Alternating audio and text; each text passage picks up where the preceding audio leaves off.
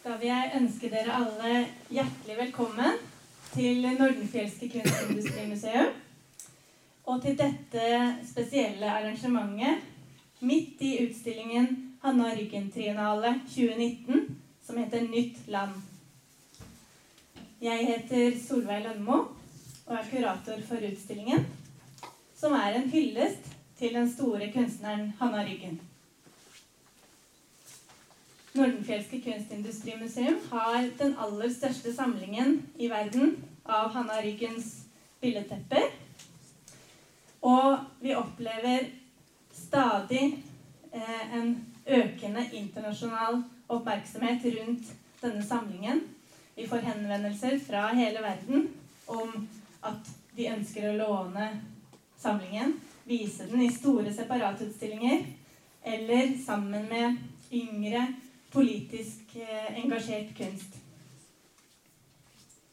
Her i denne utstillingen inviterer vi verden hjem til Hanna i Trøndelag og i museet. Eh, både med utstilling her og på Ørlandet, der hun levde og virket størsteparten av sitt liv. Vi som arbeider med Hanna Ryggen i dag, og hennes kunstnerskap, vi kjente henne ikke. Vi har aldri møtt henne, de fleste av oss. Selv føler jeg likevel at jeg kjenner henne litt gjennom det hun har etterlatt seg. Jeg vet at hennes grunnleggende menneske- og samfunnssyn gikk ut på humanisme, likeverd og medmenneskelig felles ansvar. Likevel, hvor fantastisk ville det ikke ha vært å møtt henne, prata med henne, kanskje til og med blitt venn med henne? Tenk å ha den muligheten. Det er derfor vi har invitert en veldig viktig primærkilde hit i dag. Kunstneren Håkon Bleken, som kjente Hanna Ryggen og var en del av det samme kunstnermiljøet her på 50- eh, og 60-tallet. Når denne primærkilden attpåtil er en kunstner som har noe av det samme motet, ytringstrangen og engasjementet som Hanna Ryggen selv hadde, er det en unik mulighet her i dag til å høre noe både om miljøet kunstnerpersonligheten Hanna Ryggen, og hvorfor hun er viktig i kunsthistorien. Du sitter på veldig verdifulle fortellinger for oss, Håkon. I dag skal vi jo fra en litt annerledes vinkel også bli kjent med deg, Håkon Bleken, og vi kan utforske noe av slektskapet som du selv kjenner på til Hanna Ryggen. For dere begge er ikke kunst noe som bare er estetiske objekter som er kulturelt forankra, det er også noe som kan romme noe dypere menneskelig. Men først helt kort om dere begge. Hanna Ryggen ble født i 1894. Selv om vi liker å kalle henne en av de aller største norske kunstnerne, så ble hun jo faktisk født i Malmö i Sverige. Hun flytta til Ørlandet i 1924, der hennes store kjærlighet Hans Ryggen bodde. Her tok hun veven som sitt redskap og vevde verdenshendelser. Hun revolusjonerte således et medium som fram til Hanna Ryggen hadde vært hovedsakelig dekorativt, trygt, laget for oftest for private og litt nære miljøer. Hun vant stor anerkjennelse for dette allerede på 1930-tallet. Hun og Hans bodde på Ørlandet men var ofte her i byen. Etter at Hans døde i 1956, flyttet hun til Trondheim. Her virket hun frem til sin død i 1970. Du, Håkon, ble født da Hanna Ryggen var 35 år, i 1929, her i byen. Og som kunstner har du vært gjennom flere stilretninger før du har funnet dine uttrykk. Perioden i den berømte gruppe 5 ledet fram til det. Du har siden, i hvert fall siden 70-tallet vært en av landets mest markante billedkunstnere. Med store utstillinger og en rekke utsmykningsoppdrag. De siste 10-20 årene har du vært produktiv som bare det. Og du har for tiden en stor utstilling i Trondheim kunstmuseum med tittelen 'Do Not Go Gentle'. Du har helt siden 60-tallet deltatt i offentlige debatter om kunst, kunstnerens rolle og byutvikling bl.a. Det har nylig kommet ut en flott bok med samtaler mellom deg og Tor Egil Verven. lyset i støvskyen. Her sier du mye fint, bl.a. at du er gjerrig på tida di. Men Du er gjerrig på tida di. ja. Ja, og jeg liker det uttrykket. Det vil jeg også være. Så flott at Så er det. så flott at du vil gjøre denne samtalen her i dag, da. Eh, flere steder i bøkene om deg så har jeg lest eh, uttalelser om Hanna Ryggen. F.eks. i Stein Slettebakk Vangens bok og i denne nye samtaleboken med Verven. Du nevner henne kort og poengtert, som at hennes betydning er underforstått for enhver leser. Det er kult. Så la oss forvente at Ryggen og Picasso i samme grad gir umiddelbare assosiasjoner hos alle. Du nevner henne her og der, liksom for å understreke at det var verdt å holde til her i Trondheim på 60-tallet. Eh, Jeg har to sitater. Det første er fra Verven-boka. Årene da jeg var ansatt ved NTH, var fantastiske. De bandt meg ytterligere til byen. På den tida gikk også folk som Hanna Ryggen omkring her. Det fantes et miljø. Hun levde til jeg var 41 år. Det begynte å bli for sent å flytte til Oslo eller andre steder da. Og i Sjettebakkvangen sier du Trondheim i gamle dager var et rikt miljø, og det kan overhodet ikke sammenlignes med miljøet i dag. Tenk på hvilke folk som var her. Det var til og med et geni i byen, Hanna Ryggen. Så du nevner henne for å forklare hvor unikt det var her. Kanskje du nå skal få begynne å, å fortelle litt om hvorfor hun har betydd mye for deg. Ja, det kan jeg forsøke. Det er litt vanskelig, fordi at Hanna var jo egentlig så rikt menneske. og Jeg kjente jo ikke Hanna Ryggen på så godt at jeg kan si at jeg var venn med henne, men jeg var i hvert fall såpass mye venn med henne at jeg ofte var hjemme hos henne. Blant annet for å avlevere urin til Pestflot. Og, og, og, og så altså, da, Hanna var jo, hun likte jo tydeligvis meg, da. Hun var, hun, å bli godtatt av Hanna det så jeg jo for sånn ære, for hun, var virkelig en ganske ålreit dame. Altså, hun sa jo absolutt hva hun mente om alle ting, men eh, ja, under, rimelighetens eh, grenser, da. Eh, og jeg syns jo, som du nevnte der, at eh, jeg synes jo det var morsomt å gå omkring i en by hvor man faktisk kunne møte et geni på gata. Det syns jeg faktisk var en ganske ålreit følelse. Eh, Og, og, og Hanna hun, Det er ikke tvil om at Hanna løftet miljøet her, altså bare ved sin tilstedeværelse. Det er, jo, helt- opplagt at det er enerne som egentlig løfter eh, løfter sånne miljøer. altså Hun var en sånn ener som virkelig betød akkurat som Bjarne Næss i sin tid. Altså. Så um, jeg, ble, jeg var kjent med i likhet med mange andre som også kunne si at de kjente Hanna f.eks. Roar Wold og Lars Tiller og Magni Moxnes og slike folk altså, som ennå Noen av dem lever en, fremdeles. Men jeg kjente henne altså, i hvert fall såpass at jeg var hjemme hos henne da, og, og, og um, snakket om forskjellige ting, om, uh, snakket om kunst og sånt. da hun... Hun var jo nokså subjektiv i sine meninger, men det synes jeg det, det likte jo selvfølgelig jeg godt, for jeg er jo ganske subjektiv sjøl. Så, um, så hadde vi stort sett også felles meninger, og da ble det jo enda bedre. Så, så hadde jo flere som avskydde byen like mye som meg. Av og til Hanna òg. Men, eh, men Hanna var jo eh, mer diplomatisk allikevel, og dessuten også en langt betydeligere kunstner. Hanna Ryggen er jo helt opplagt en, en kunstner som er på samme nivå som Picasso. Det, det må man faktisk bare fastslå. Altså. Hun er så stor som Picasso, ikke så rik og ikke så mangfoldig. fordi at det å veve et teppe det tar jo lang tid, men, men å male, et bilde eh, som til og med et ganske genialt bilde det tar ikke ofte så lang tid. Det tar kort tid.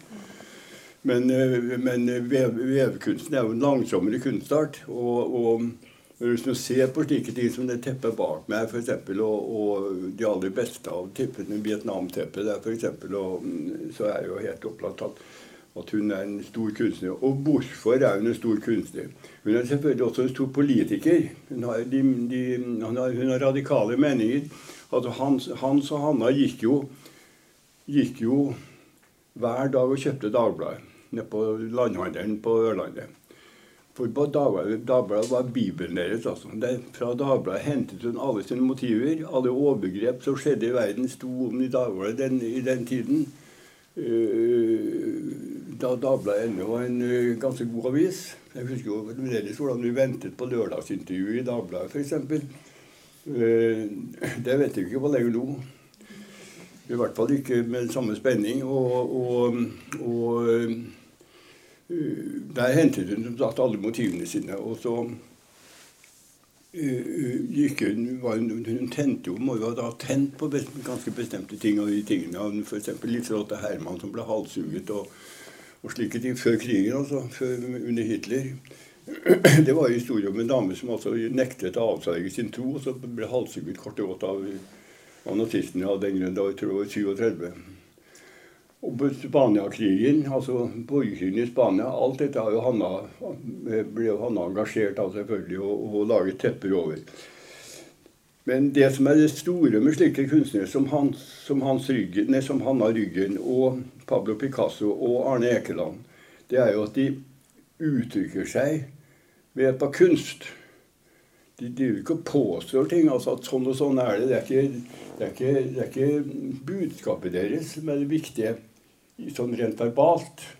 Det kan være riktig, men det er ikke det som, det ikke det som engasjerer oss. Det, er det, som engasjerer oss, og som gjør at vi opplever det, det er det at de uttrykker seg hele tiden med kunstneriske virkemidler. Det er hele tiden de kunstneriske virkemidler. Hun hun er politisk jeg vil si at I forhold til, forhold til, hennes kunst så kan man si at hun er politisk interessert, for å si det overdrevet til lite. da. Men derimot når det gjelder kunst, det er det som, det, det, det som driver henne, at hun skal forme tingene. Ikke at hun mener at nazisme av Hitler burde vært skutt og alt mulig slike ting. Det er, det er jo det, som, det, vil hun uttrykke i, i, i, tepper, og det har hun jo gjort. Og, og, det er jo det som er imponerende, men det er det som gjør at vi opplever ting. For det er forskjell mellom en påstand og en opplevelse. Ja, og når du sier at det er politisk, så mener du ikke snevert parti, partipolitisk. Du mener nå en større ja, grunntanke ja, ja. som formuleres eh, kunstnerisk, ikke som en eh, bastant påstand. Ikke sant? Nei, nettopp. Mm. Det er helt riktig du sier. Du formulerer det bedre enn meg. Og, og, og, men det er bra ofte jeg opplever til stadighet mennesker som formulerer det bedre enn meg. Så til og med kan fortelle meg hva jeg har bedre med bildene mine. Og som ofte har de jo rett, det er det verste av alt.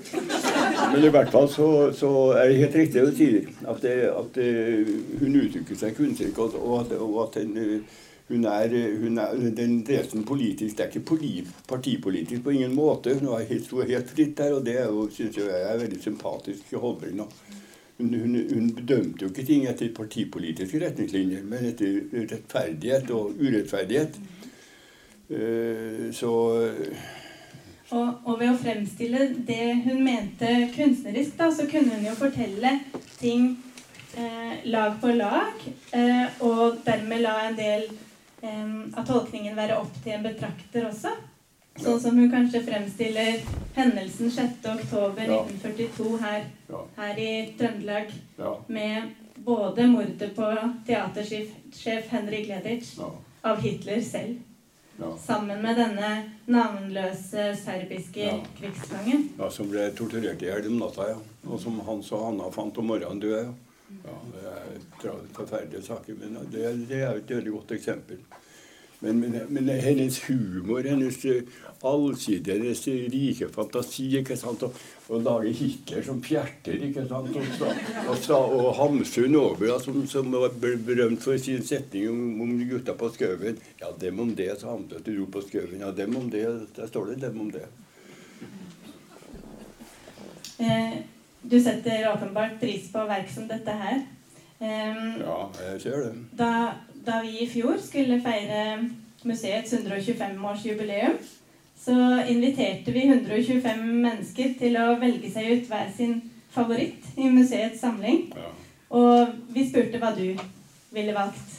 Og du er altså en av disse velgerne til vår utstilling. Selvfølgelig valgte du et arbeid av Hanna Ryggen. Ja, ja. Mm. Og du kunne vel egentlig kanskje valgt alle? Jeg kunne valgt hva som helst mm. av Hanna. Ja.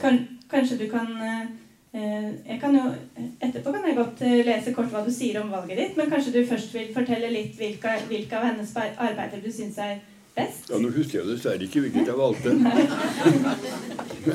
men, eh, men i hvert fall så er det likere hva jeg valgte, fordi at jeg, jeg, det som jeg sier her om form og innhold og det politiske, og hvordan man, hvordan man får dette viderebrakt til tilskueren, det, det, det, det er jo gyldig for alle teppene. Ja, du valgte Grå figur. Ja. Et sent arbeid fra, fra 1961. Ja, det husker det teppet. Jeg snakket Hanna om og fortalte meg om det teppet. og At det var skyggen av, de, av atombomben gikk ikke sånn, så sto bare skyggen av mennesket igjen på muren. Da, når, hvis den muren, muren sto igjen. da. Så, så var det som var eh, det, Hun er jo hele tiden realist, samtidig som hun er fan, eh, fantasirik og, og nekter seg svært lite når det gjelder de tingene. Hun er hele tiden realist.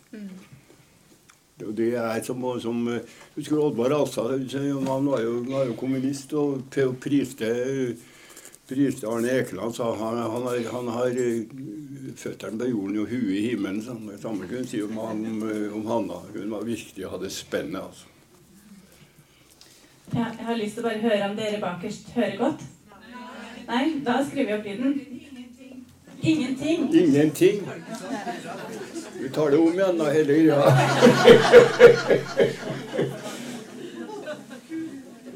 Hører dere meg godt? Eh, Håkon, nå, nå tror jeg jeg skrudde skrudd opp lyden Ja. litt på deg også. Hører du meg nå, da? Bra. Ok. Kjeft du om andre ord? Nei, det har ingenting å si. Hva har vi da mikrofon for? mikrofon som bare brukes stående.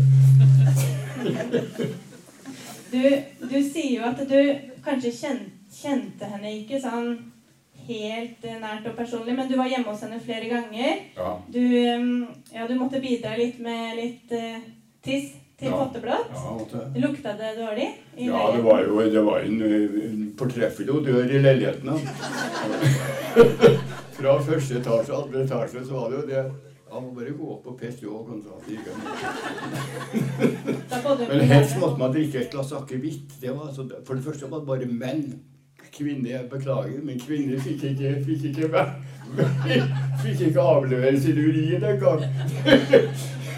Så Hadda hun tror jeg ikke ville vært en glad for likestillings... Men det var altså da menn fikk lov, ja. Hun må helst et glass hvitt, og så ja. Så farget hun det. Jeg har sett, jeg har sett henne farge barnet. Er fantastisk å se hun løftet opp garnet fra, fra stampen og skifta farge og ble blått. Ja, og dere snakka om kunst, sikkert. Og em, husker du noe konkret hun, hun snakka om? Ja, hun hadde jo svært liten sans for eh, noen figurativ kunst, da. Det var ikke noe særlig begeistra for, men hun, var, hun var ikke fordømmende, men det var liksom litt mer likegyldig, ja, selvfølgelig. Men på, på, på en annen side så kan vi jo se f.eks. på det Vietnamteppet borte at hun, hun, har, hun har veldig mye sånn klare former som egentlig også kan oppfattes nesten noen figurativt. Så hun, så hun er det er jo helt opplagt en kunstner som er uhyre rik og uhyre reseptiv og kan bruke, bruke da, altså, så, øh, ganske mye som- øh, man i første omgang ikke trodde at hun kunne bruke. Men hun er selvfølgelig litterær. Hun er, det er veldig litterært hele bildet, ikke sant? Men, men det som skjedde, som du nettopp beskrev, og Churchill i midten av familien, ryggen på vei til London i båten, ikke sant? Og, og, og ja, og Det er jo kjempelitterært, men det er jo allikevel får du til det. altså. Jeg synes Det er et kjempeflott teppe. Jeg skal ikke si at jeg synes det er det beste teppet, men jeg syns Vietnamteppet er enda finere. Og jeg syns f.eks. Ja, Liselotte Herman og sånne tepper de er fabelaktige. Det henger oppe. Ja. Du var jo innom eh, eh, det nonfigurative eh, med gruppe fem, du Ja. også. Ja. Men, men du sier jo også at hele tiden så hadde du Eller du, du har beskrevet den perioden som viktig for hvordan du igjen kunne Mm. bruke det figurative etterpå. ja, helt riktig. At å bygge et bilde Ja, eh, komposisjonsmessig ja helt Ja. riktig. Altså det, jeg ble jo reddet av Arne Holm og de, og de miljøet på, på høyskolen. Lars og Roar og Ramon, Ramon Hussein.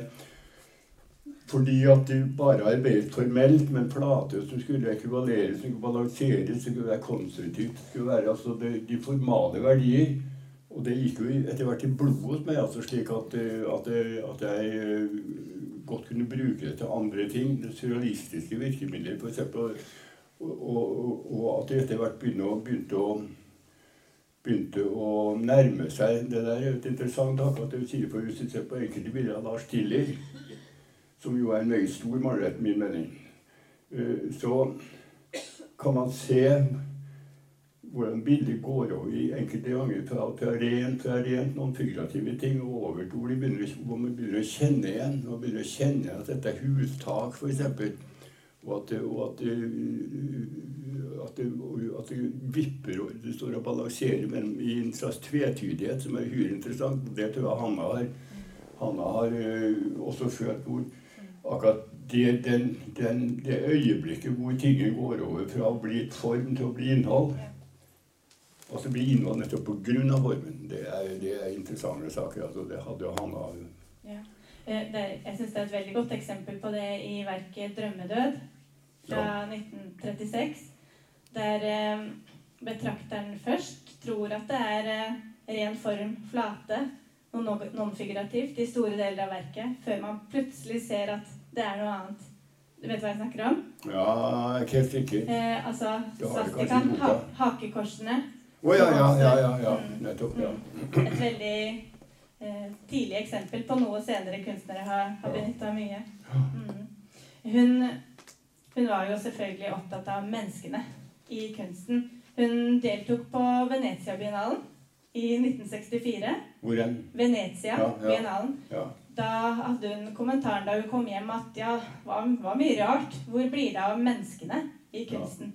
på 60-tallet. Ja, ja, men, det, var, det, er jo, men hun, det er jo det som er som er det interessante for at hun lever i spenningsfeltet der, altså mellom det abstrakte, non-figurative og det gjenkjennelige. Det, akkurat som Arne Norheim snakka at jeg, min kunst lever mellom poesi og katastrofe. og Noe av det samme kan man godt si om Anna. Den spenningen tror jeg er veldig viktig for sånne betydelige kunstnere som f.eks. de to. Um, mannen hennes, Hans Ryggen, ja. er jo en uh, betydelig maler også. Ja, og du, du, ja, absolutt. Du, du har sagt um, at hun, uh, hun, kommenterte hans kunst og sammenligna hans med, med, en kjent fransk ja. maler. Fortell. Ja, det var hjemme til han hadde jo flere bilder av han. Selvfølgelig han var jo en uhyre sympatisk Jeg tror jeg vil si at det er det mest sympatiske eh, mennesket som jeg i tatt har truffet. Og han var jo, hjalp Hanna med vevsol og alt mulig, og ordna på praktiske ting osv. Og, så videre, og, malte til min med også betydelig billig, selv om de fleste syns at han er for løs. Men han er ikke for løs. Han er, han er en stor kolorist hvor tingene står i flaten der hvor de skal. Han overdriver litt da, dette når hun sa om mannen sin at ja, Renoir, Renoir er mye stor målere, men hans er bedre, sa Så det ble jo litt Ja, det er en fin, fin sammenligning. Ja, en fin, ja, fin sammenligning, han, men han var faktisk en ganske fin maler. Ja. ja. Og de hadde jo et eh, godt forhold som kanskje skiller seg litt fra andre kunstnerpar eh, på, på, den tida, i og med at, at det var hun som fikk Eh, konsentrere seg om kunsten, mens han tok seg av veldig mye i, ja, ja. i husholdet. Han, lev, ja, han, gjorde, han, levde jo i skyggen av henne, selvfølgelig, men jeg tror ikke han hadde noe imot å leve i skyggen av eh, når, skyggen kom fra Hamar. det tror jeg ikke. Mm. Um, du, um, du, Kanskje du kan si litt mer om det miljøet som, som var her, og hvordan Hans og Hanna hva deres rolle var sånn i kunstnerfellesskapene.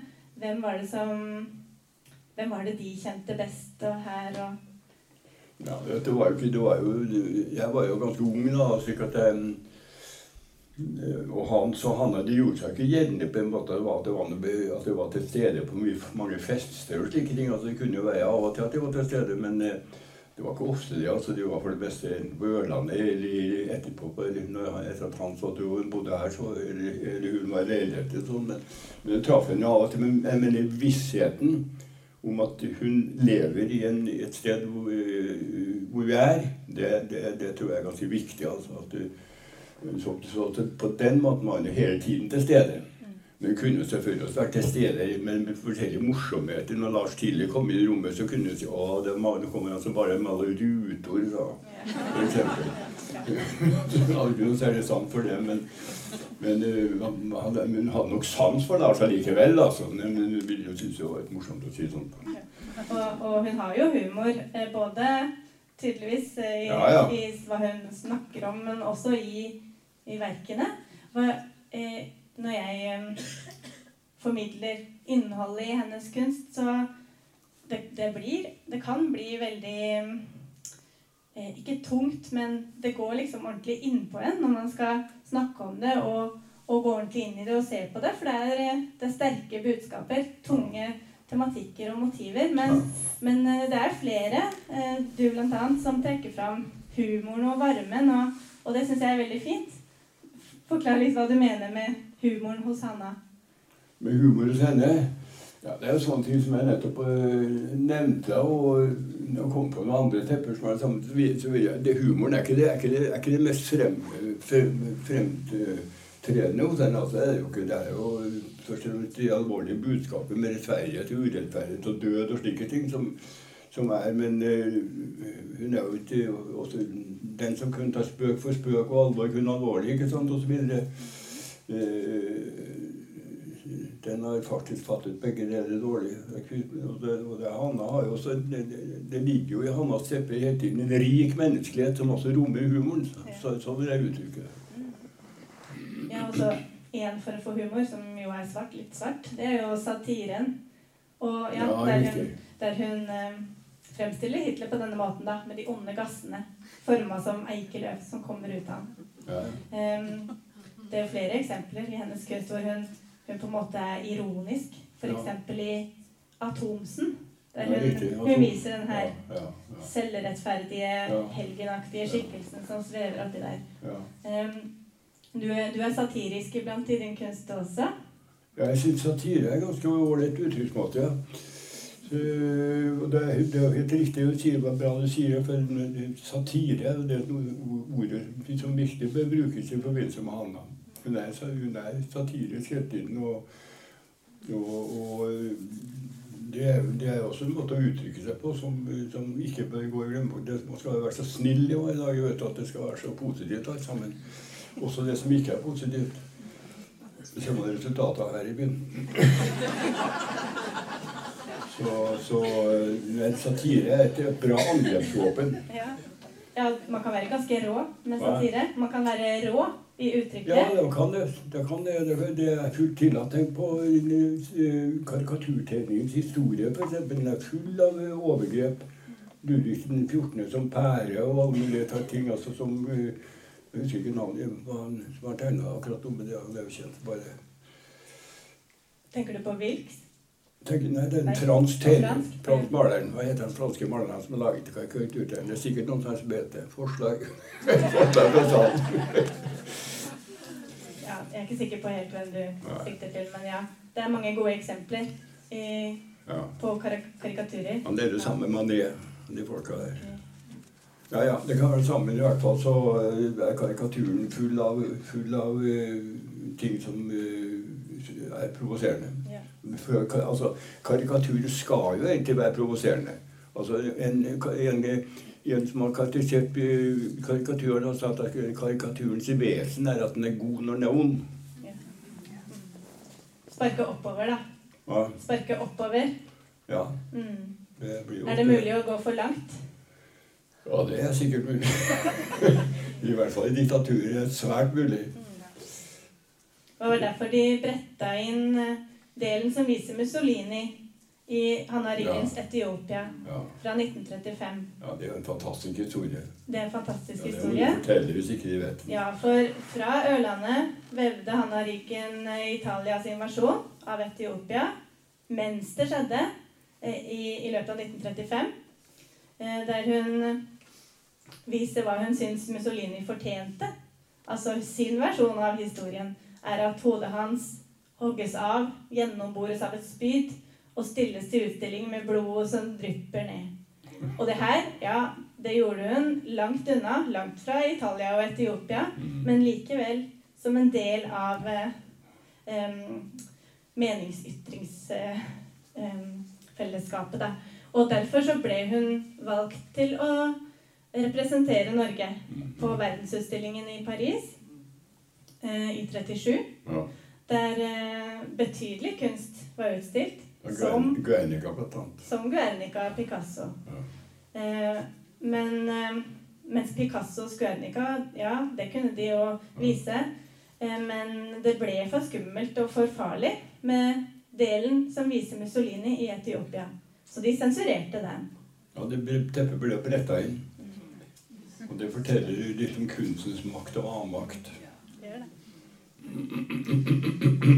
Du har eh, også fremstilt Mussolini. Mussolini. Det er, det er en slags møtepunkt mellom dere. Du har fremstilt ham på en annen måte etter ja. at han ja, jeg, har, eh, jeg ble, jeg ble nokså engasjert av et foto som, som er tatt av Mussolini etter at han var uh, herja med og torturert eller var jo mishandlet og så hengt opp i et sånn bensin, bensinhandel, sånn tror jeg var. Mm. Bensinstasjon. Og det er et foto som viser Mussolini og det henger så svaier i det meget uttrykksfullt bilde. Han ligger og svaier. Brukte i forbindelse med Kristusskikkelse, som også er korsfesta. Ja. Så, men eh, jeg, jeg syns det er fint å, å oppleve slike ting som man kan bruke. Og det opplevde jo Hanna veldig ofte. Og hun var jo en lydør også. Jeg syns det var så morsomt den tiden akkurat når hun snakket om de gikk og kjøpte Dagbladet og gjennomleste det. og synes jeg er typisk en historie. Og det lille huset på Ørland som lager verdenskunst. altså. Ja. Det er noen flere møtepunkter mellom din kunst og, og Hanna Ryggens. Jeg syns um,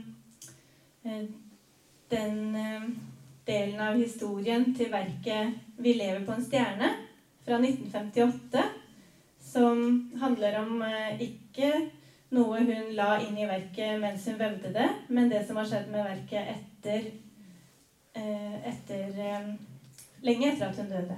Altså da For det var jo et oppdrag hun fikk fra arkitekt Erling Viksjø um, om å lage et stort verk til foajeen i regjeringsbygningen i Oslo. Mm.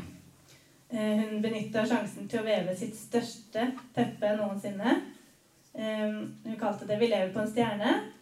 Uh, et budskap om hvordan vi skal leve sammen på den kloden, den vakre stjerna vi, vi har. Uh, hvordan vi skal være mot hverandre og mot, mot miljøet. Um, og kjærlighetsbudskapet i den det var ment å skulle minne politikerne hver dag de kom på jobb, hva vi har å ta vare på. Og verket hang jo på sin plass i regjeringsbygningen fram til 22.07.2011. Da det ble skada, som så mye annet i bygningen. Ble henta forsiktig fram. De så at en del av teppet var nesten revet av. Um, og det ble tatt til, til, konservering hos dyktige fagfolk som, som diskuterte fram og tilbake. Uh, skal vi, hvordan skal vi forholde oss til den skaden i verket? Uh, vi kan få den til å bli nærmest usynlig. Men uh, kanskje heller det er sterkere om vi lar det stå igjen et arr. Så det arret som blir så symbolsk i forhold til Jeg det, det var helt riktig, riktig å tenke slik, syns jeg. Da fikk hun jo med det uten å beskrive det, beskrive, det, beskrive det selv. Hun gjorde det. Så synes jeg var, Det er et museum i Berlin som har gjort noe av det samme. De, har, har eh, latt kulehullene stå igjen i, i veggen. Og, Ja. Det, det, jeg husker hvilken det er Jan Brochmann å fortalte om det. Eh, og du har også jobba med den altså Hanna Ryggen har på en måte jobba med 22. juli-hendelsen. Eller det er i hvert fall en synlig del av hennes kunst nå. Og du har også laget en serie over eh, det som har skjedd på Utøya.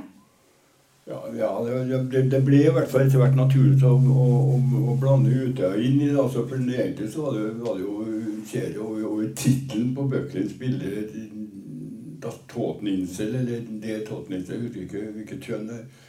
Men i hvert fall et bilde som han har malt over dødens øy. da, Bøklin. Og som henger i Han var ti stykker, som henger i, i, i Sveits, Basel, til.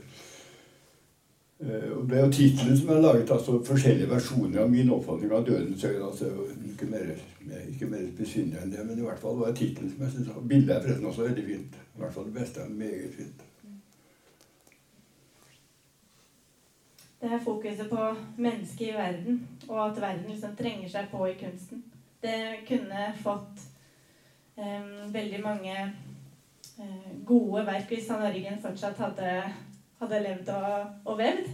Hva, hva tror du hun hadde brydd seg om nå? Hva? Hva hadde Hanna Ryggen vevd i dag? Hvis hun hadde levd, hvis hun hadde levd, hadde hun vevd i dag Det er sannelig ikke godt å si. det. Har jo, har jo nok av grusomheter å ta av. Så det vil jo Men det er jo Nei, det er, det er Jeg tror jeg, jeg, jeg kan tenke meg at det kanskje var bedre over ute, ja. Ja. Det tror jeg kanskje hun har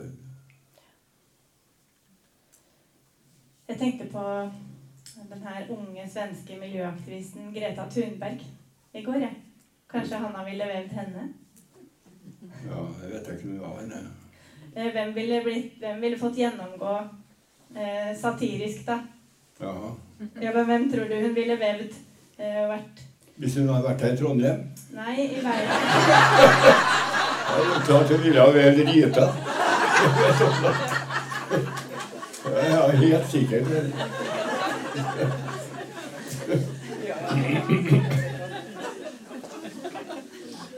Du, du gjorde det for henne. Du ordna Det gjorde det. for henne.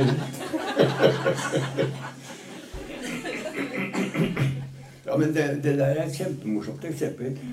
Hvis de, han hadde levd så hadde han bombesikkert laga noe over Rita Ottervik. Det er jeg helt 100 sikker på. Og det er rette blinken på henne.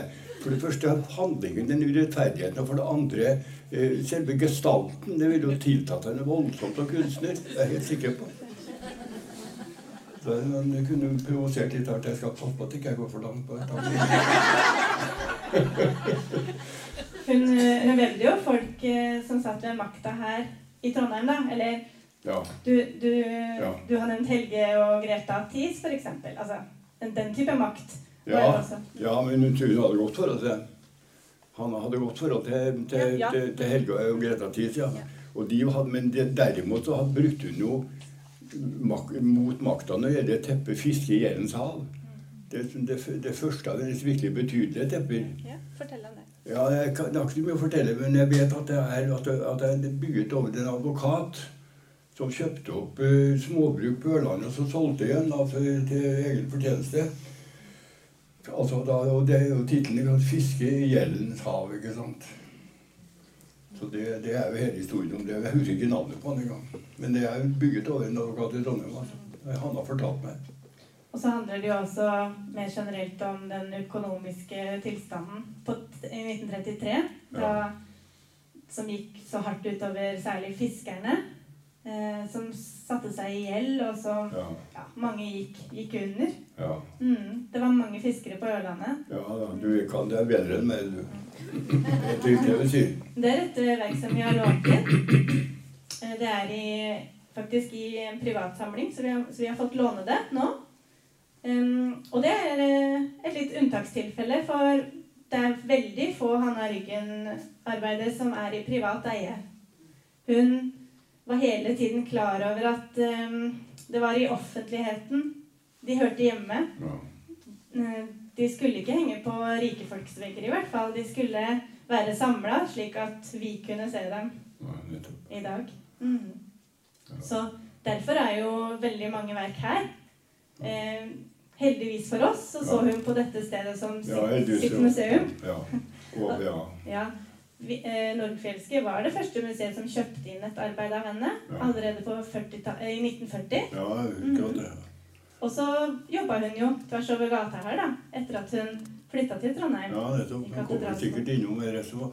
Det, og det, det syns jeg har vært veldig forbausende. Altså, det, det, kan, det kan godt tenkes at jeg sier noe jeg ikke vil irritere mange, men det har forbauset meg meget at det ikke har vært flere i Trondheim som har gått og sett på Anna Ryggen. Det må jeg si, altså. Og kanskje særdeles kunstnere. Jeg tror nesten snart jeg var den eneste kunstneren som gikk og så på henne. For, jeg mener, Hanna Ryggen, altså Hanna Ryggen, Pablo Picasso, Arne Ekland og Per Krogh Sånne folk det er, det, det er de sånne folk som har betydd noe for meg. Altså. Hanna Ryggen har lært noe. Du har visst det hele tida, du. Hvor stor hun var og er og, og kommer til å være framover. Ja, det kommer til å være. Så nå er det jo heldigvis nye generasjoner, og, og kanskje også generasjoner som har vært her en stund, som skjønner det igjen, da. Men du er litt irritert på de som sier at de har eh, oppdaga Hanna Ryggen eh, nå og de siste? Liksom de som sier at de har løfta henne fram, hun, at nå har hun blitt stor? Ja, jo, vet du, men det er, jo, det er jo ikke det som har hendt. Det, det som har skjedd, det er jo at de folk i Oslo var ikke oppmerksomme på Anne Ryggen. Men folk i Trondheim var de aller høyeste. Hun hadde, hun hadde jo en medhjelper, f.eks. Ulf Moen av Adresseavisa. Han skrev jo veldig mye om Hanne Ryggen og, og, og gjorde henne kjent i viden over. Og, og han var jo, var jo kjent at for fra begynnelsen så man at dette her er svære ting. Selvfølgelig er det et, sprang herfra og dit, men det er et sprang i nesten ikke kvalitet. Altså den samme drivkraften hele tiden. Den samme tiden bare utviklet mer. Og, og, og Ja, han var en støttespiller, tydeligvis. Var det mange slike støttespillere her som, som skjø- skjønte hva vi hadde? At det var et geni, som du sier? Ja, jeg tror ikke det var mange der, men det var, de var vesentlig plassert. Ulf Moen var plassert i Adresseavisa. Det er jo ganske vesentlig plass når det er nesten bare én avis. Og, og så hadde hun altså direktøren her, da. Hva het han? eh, Kron Hansen. Ja, han heter Kron Hansen. Ja. Hun, han eh, var jo han som uh, ordna Fiksa den salen oppe for Hanna, ikke sant. Og det var jo svær, det var fantastisk. Da. Ja, Da denne bygningen sto klar i 1968, Ja. så var Hanna Ryggen-salen på plass. Ja, Mm, mm. Og da var Hanna Ryggen også i live. Ja, hun var det. To år til. Ja. Mm. Hun sa til meg li- li- like eh, sånn siste året Nei, hun har kommet hjem til Trondheim for å dø nå, så Hun fått jord, da. og Døde i 1970. Eh, Jeg har litt på følelsen av at eh, du og Hanna er litt like typer. Hun har et eh, kjent verk som heter En fri, Ja. fra 1948, som viser hvordan vi alle er fanga i pengesystemet. Hvordan, hvordan eh, både de som har lite, og de som er mye, er bundet av, av økonomien. Men det er en som er fri, som hun viser nederst i en liten rute. Det er kunstneren. Mm.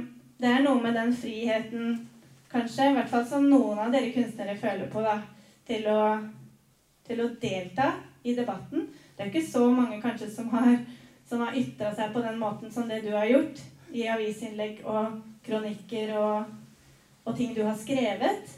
Eh, så du er jo litt unik sånn sett, men jeg tror Hanna Ryggen var heller ikke fremmed for og redd for å si tydelig hva hun mente om tingenes tilstand.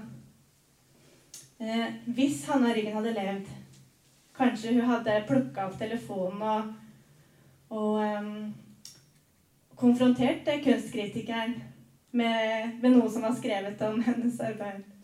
I hvert fall i 2010, da jeg var eh, kritiker i Adresseavisa, så skrev jeg om mange utstillinger, eh, mest i Trondheim. Og jeg skrev om din eh, store utstilling 'Dødsfordriv' i Trondheim kunstmuseum. En utstilling som var svært god. eh, Som viste hvordan fargene eksploderte i dine nyere malerier.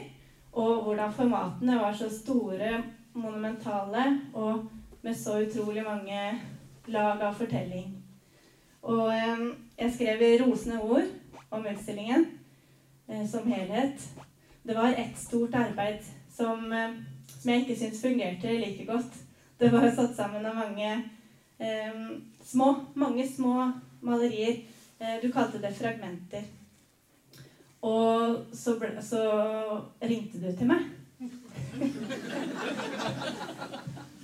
Og da ble jeg litt satt ut, for det var ganske uvanlig egentlig å få, å få noen tilbakemeldinger i, det hele tatt. Men jeg satte utrolig pris på det. At, Du var, du var jo en, en god kritiker. Uhyre synd at du slutta. Og, og, ja, det er faktisk tilfellet. at Hun var virkelig en god kritiker. Altså. I likhet med Borgersen, at begge to selvfølgelig slutta. men det å få høre noe fra, fra kunstneren som han har skrevet om, det betyr ganske mye.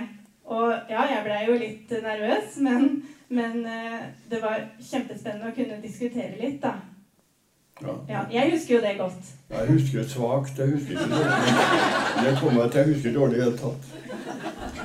Jeg husker jo hvor god det var. Det, men det husker jeg i hvert fall. For det, det, og dessuten er det en ting jeg vil si. altså det å si sin mening og slike ting, det er klart altså, å si sin mening i Trondheim er jo ikke særlig modig, verken av, av Anna eller meg. Men å si, hvis jeg hadde vært i Stalins eh, Sovjet eller i eh, hvilken som helst stat de hadde kloden, så ville det si sin mening det samme som ble, hadde fengsel og ble drept.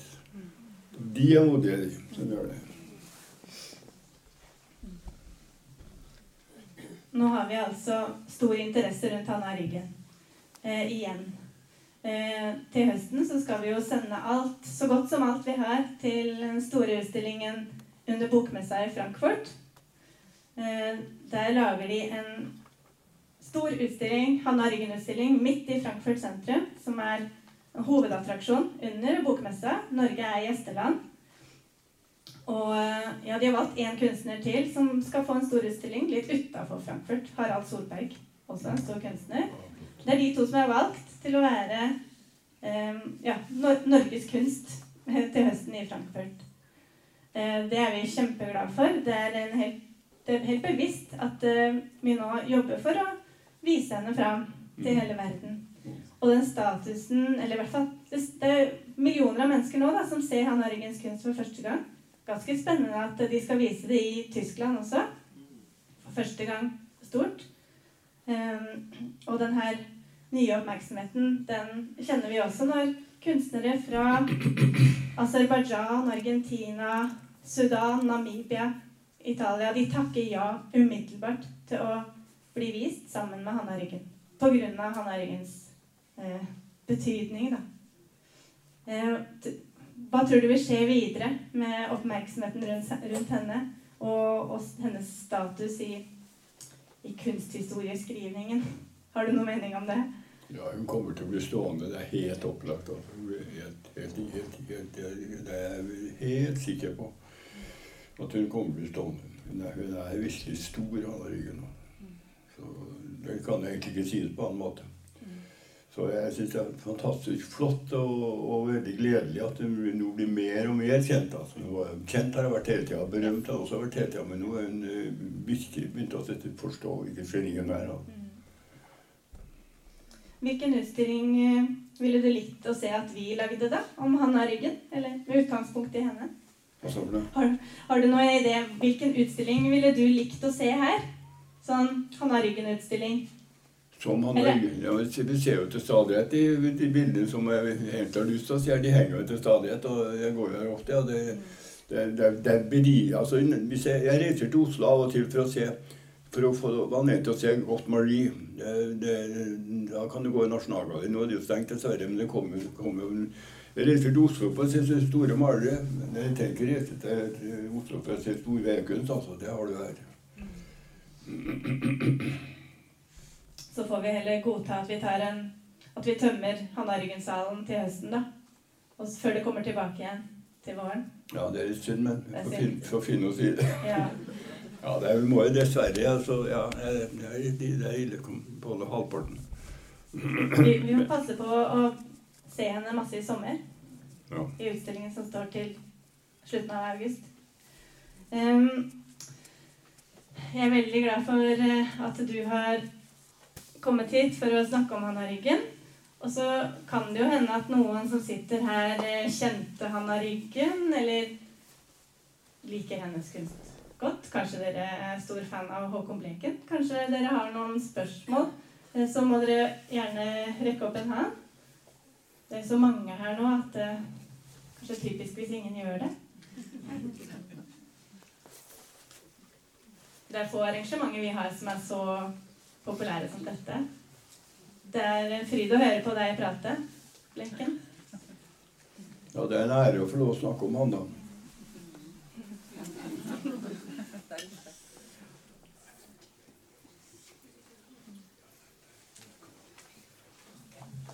Skulle gjerne vært litt mer om Hannas liv. Ikke sant? Når du dro for å besøke henne, tok du ferge over til den andre siden? Nei, jeg besøkte henne overhodet ikke på Ørlandet. Jeg besøkte henne her i byen. Hun bodde jo i Trondheim. Bodde i Trondheim.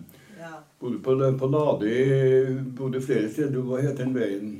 Der hvor du Ja, det var på, på Nardo bodde hun også en periode. Ja, men der hvor du bodde, hva het den veien? Ja, Bjarne Næsveien. Kristian, Ja, der bodde jo Kristian Egil. Hun bodde jo der. Hun bodde også på Lade. Og, og hun besøkte henne ikke på Ørlandet. Nei. Nei. Men hadde, hun, hun, vevde hun sitt eget garn? Fikk hun det levert? Hun farget sitt eget garn, ja. Ja, det, det var blant annet pessblått, pestblått, da. Farva jo. Det har Katja på pessblått. Det står jo Men det er selvfølgelig en kunsthistoriker som som eh, for Jeg hadde skrevet en artikkel i Deltakeravisen en gang, og jeg brukte ordet pissblått. og det ble retta til pissoarblått.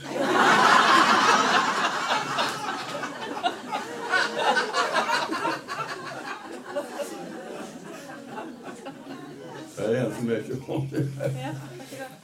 Min bestefar var mye opptatt av Hanna Riggen når vi bodde på Ørlandet. Vi er nærmeste naboer. Og han eh, var, hadde veldig sansen. Og han var oppover med mat, blant og han hadde kål. Så melk og litt sånn, og ble kommandert opp til å peste. da. Men jeg tror nok at det var kanskje akevitten jeg hadde hørt om før. Det er derfor for farmor var avholds. Så det var sikkert derfor han var oppover. Nei, ja, du, du sa at eh, farfar Ja, farfar, ja. Farfar eh, dro til Hanna Ryggen for å, for å levere. For å Eh, for å levere pess. Å ja. ja. Han var, eh, farmoren din var avholds, så du tenkte kanskje at eh, han dro dit for å kunne ha en eh, anledning? Oh, ja. Akevitten, ja. Det var- det var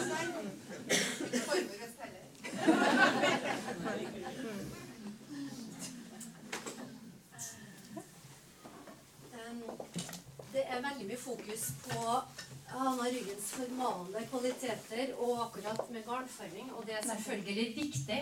Um, formale kvaliteter, garnfarging, selvfølgelig viktig og veldig interessant. Faren med, med formidling av teppene er at historiene, historien som eh, formidles her, hvert teppe har en stor sprengkraft. Vi fjerner oss lenger og lenger fra den historien. Det stiller veldig store krav til formidleren om at de historiene her eh, som ligger bak, da, som kanskje kan være litt subtile, gjøres kjent. Det er en fantastisk innfallsvinkel til skoleelever f.eks. med å forstå historien og den eh, dramatikken som har vært i nær fortid, som vi ikke har i dag. Det. stiller vanvittig stor kraft. Det er mye av det som er ganske abstrakt, som kanskje blir sett på som ren dekorkunst. Jo, det er det, men det er jo egentlig, er jo egentlig skolens oppgave altså å formidle historien. da. Så de, de, de, og dessuten ungdommen vet jo mindre og mindre. Det er fullstendig historieløs. Det vil si at skolen er historieløs. Helt klart. Det stilles også store krav til formidleren her om at det formale og det innholdsmessige, det spenningsfeltet som du var inne på i starten, blir gjort kjent. Ja. Innfallsvinkel til historie, innfallsvinkel til kunst, kunsthistorie. Mange felter. Ja. Det er noe vi, vi prøver å ta på alvor her i museet. Det, ja, det står jo også ved siden av teppene står det jo ofte fortellinger fortelling om hva dreier seg om. Altså. ja, det kan være vanskelig å, å forenkle det, men, Ja, det men uh, vi, har, uh, ja, vi har i alle år hatt stor tilstrømning av skoleklasser da, som har, har uh, gått ut etterpå og syntes at Hanna Rykken, hun, hun er kul. Hun, hun er kul. ja, hun er skikkelig kul. Ja, hun er kul. Er Det, men det, Hanna Ryggen er ikke forska ferdig på. Det er jo en veldig god bok eh, som Marit Påske skrev om Hanna Ryggen um, i 2017. Som, um, som har gått lenger enn hva forfattere har gjort før. Uh, det er mange som har skrevet om Hanna Ryggen, og det kommer til å være det også i fremtiden. Det er mye mer å ta av. Det er mye mer å gå inn i. Det er um, både, uh, både når det gjelder hennes forhold til den internasjonale uh, kunstscenen, og også i hvert enkelt motiv. Ting vi kan, kan lese ut av det. Og, og også hvordan vi kan bruke vårt blikk i dag, da. Og det uh, dagens virkelighet til å finne stadig nye ting i Hanna Ryggen. Som et apropos til det å forstå bildet. Det er tre ansikter opp til høyre. Der. Kan du forklare dem? Ja, altså Ondskapen blir ofte fremstilt i mørkerødt hos Hanna Ryggen. Eh, den ene er eh, ganske lik Terboven. Eh, I midten, tror jeg, så er det Jonas Lie, sies det. Mm. Ja. Den tredje eh, Husker du Åsrid? Nei. Altså For det, det blir også litt spekulasjoner. For hun eh, Iblant skrev hun, eller uttalte, 'Det er det'. Den, det er den personen, og det er den. Eh, andre ganger så, så må man Så fins det flere varianter av svaret. Mhm. Men altså, det er de onde blikkene som, som følger med her når Hanna hans og datteren Mona drømmer om å flykte til England. I en liten båt som har form som en kiste, kanskje. Kanskje ville det vært for farefullt over havet. Eh, båten er dekt med roser, som om, som om det betyr døden. De dro aldri til England. Det ble med drømmen. Det ville nok kanskje vært for vanskelig for dem, så knytta de var til hjemstedet på Ørlandet. Og dyra på gården, ikke minst. Vi ser jo, vi ser jo hun holder fortsatt fast i, i kuhodet. Um, jeg syns det er et godt eksempel på hvordan vi kan uh, finne ny mening i Hanna Ryggens kunst i dag. Når jeg ser den båten over havet, så tenker i hvert fall jeg på alle som flykter over Middelhavet på vei til en bedre fremtid. Som kanskje ikke blir så god. Kanskje de ikke møter noen som tar imot dem. Kanskje, kanskje de blir stengt ute. At grensene blir flytta. Det er utgangspunktet for tittelen 'Nytt land' på triennalen her. Og, og de valgene av kunstnere, eh, i tillegg til Hanna Ryggen, som er her. De jobber jo eh, ikke like tydelig og i overflaten og figurativt som Hanna Ryggen, alle sammen. Men det er, eh, det er veldig mye samfunnsengasjement, miljøengasjement, eh, menneskelighet i de, de også. Var dette teppet vevet under krigen? Eh, dette teppet er vevet under krigen, ja. Var I, det ganske farlig for henne I 1943. Midt i okkupasjonstida. å fremstille Hitler og Å fremstille Hitler. Det er farlig. Hun kunne ha risikert. Ja, hun kunne virkelig, det, det mener vi også. Hun kunne risikert livet. For, for tyskerne, nazistene, var rett utafor døra. De, de holdt dem under oppsikt, altså det her politisk bevisste kunstnerparet. Og de, eh, de kom jo og henta Hans da, i 1944. Han kom på Falstad og senere Grini. Eh, og Hanna Ryggen ble igjen. Det kan ha vært fordi hun jo var, bare var en kone som satt i et lite sted og vevde. Hvor farlig kan det egentlig være? Ja. Nei, det fins da ikke noe tryggere. Altså, de her arbeidene lå sammenrulla eh, i stua. Hadde de brydd seg med å, å se hva det var? Hva hadde de sett da? Ja, de hadde, det, det er ganske portrettlikt. Ja, det er modig gjort av en ja, så hvilken ironi da, Hitler og fjertinga. Det er klart at det, det, det hadde vært farlig. Hvis de hadde sett det, hadde de forstått det. Det er ikke sikkert. Alle, alle soldatene hadde det. Men, men altså, det er så Det er så uh, tydelig, da. Det syns jeg. Også Mussolinis hode avhogget. Ja. Drømmedød med Hitler, Göring og Goebbels som kveler drømmeren. Mm. Ja, vi mener at det var farlig. Mm. Også farlig fordi det var ikke laget trygt i etterkant. og laget mens det pågikk. Mm.